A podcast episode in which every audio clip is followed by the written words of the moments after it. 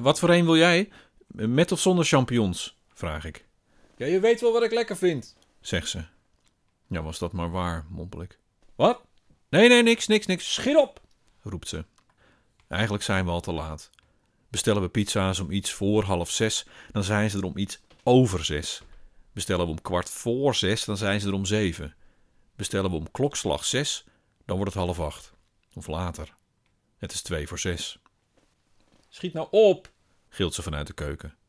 Ik hoor cartoonesk gekleng van messen die tegen elkaar aanslaan. Hopelijk omdat ze de vaatwasser uitruimt.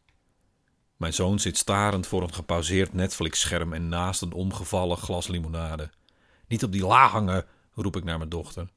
Dat doe ik niet, antwoordt ze huilend, hangend op die la.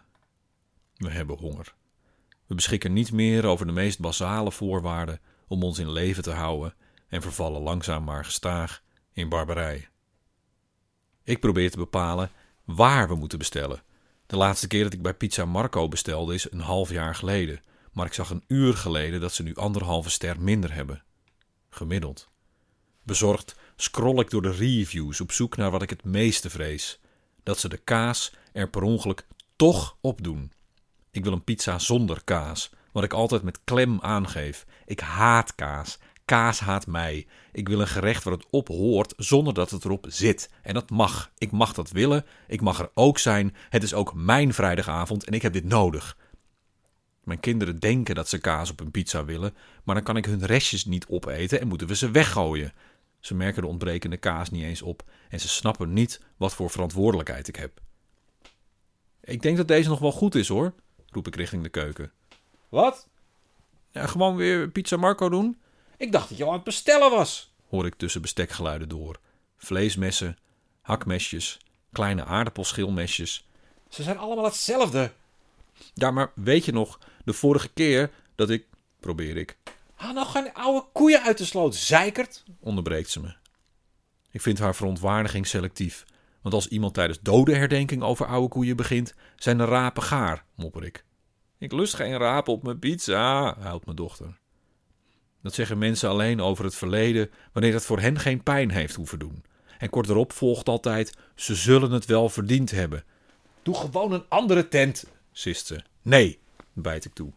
Niet de andere, nooit die andere. Deze tent ken ik en die vertrouw ik, Over 30 minuten ga ik gewoon eieren bakken hoor. dreigt ze. Ik lees verder. Klanten schrijven dat de kwaliteit van Pizza Marco achteruit is gegaan en de kwantiteit ook. De wachttijd nam toe in de prijsidem, terwijl de pizza's kleiner werden. Zo kan het niet langer, schrijven de nog steeds talloze klanten van een nog steeds populairste pizzeria in de buurt.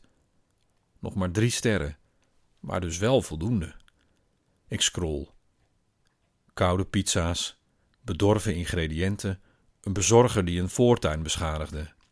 Maar één review wordt als meest behulpzaam beoordeeld en staat bovenaan.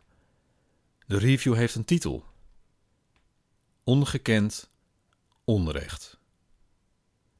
De review vat andere klachten samen. De verhalen zijn ongehoord en ongewild. Even geloof ik het ook niet, net als andere lezers.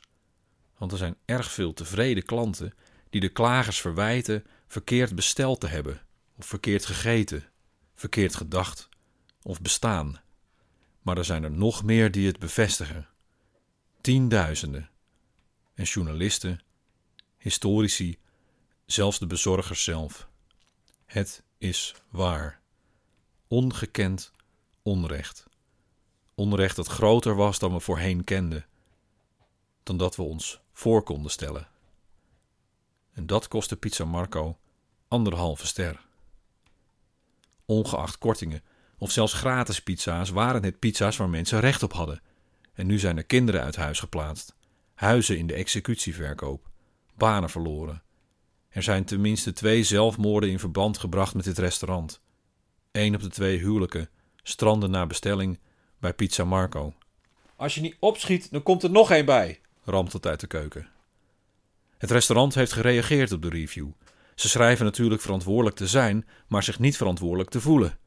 Ze stellen een onderzoek in, maar, zo sluiten ze af, de keuze is nu aan de klant.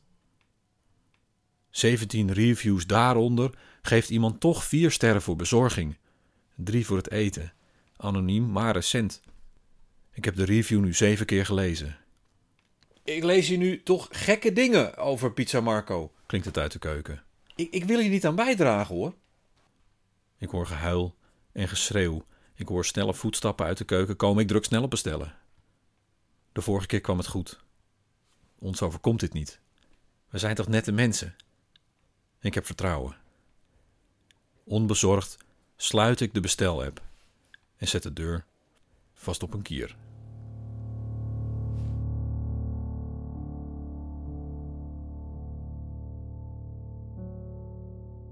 Dat was onbezorgd.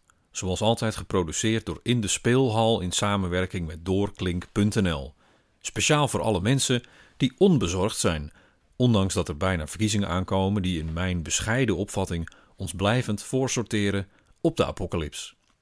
Ging het verhaal nou daarover? Ja en nee. Maar dat kon je trouwens al lezen in de show notes, want daar staat altijd min of meer wat de inspiratie was per verhaal. Dus wanneer je deze verhalen doorstuurt naar je bestie en die zegt: Lekkere stem, maar ik snap het niet, dan verzwijg jij dat jij de show notes wel leest en kun je dit haarfijn uitleggen. Dat blijft tussen ons. Leuk dat we even bijgepraat hebben. Maar hoe is het nu eigenlijk met ach ja, sorry, ik moet gaan. Tot volgende keer en tot het volgende verhaal.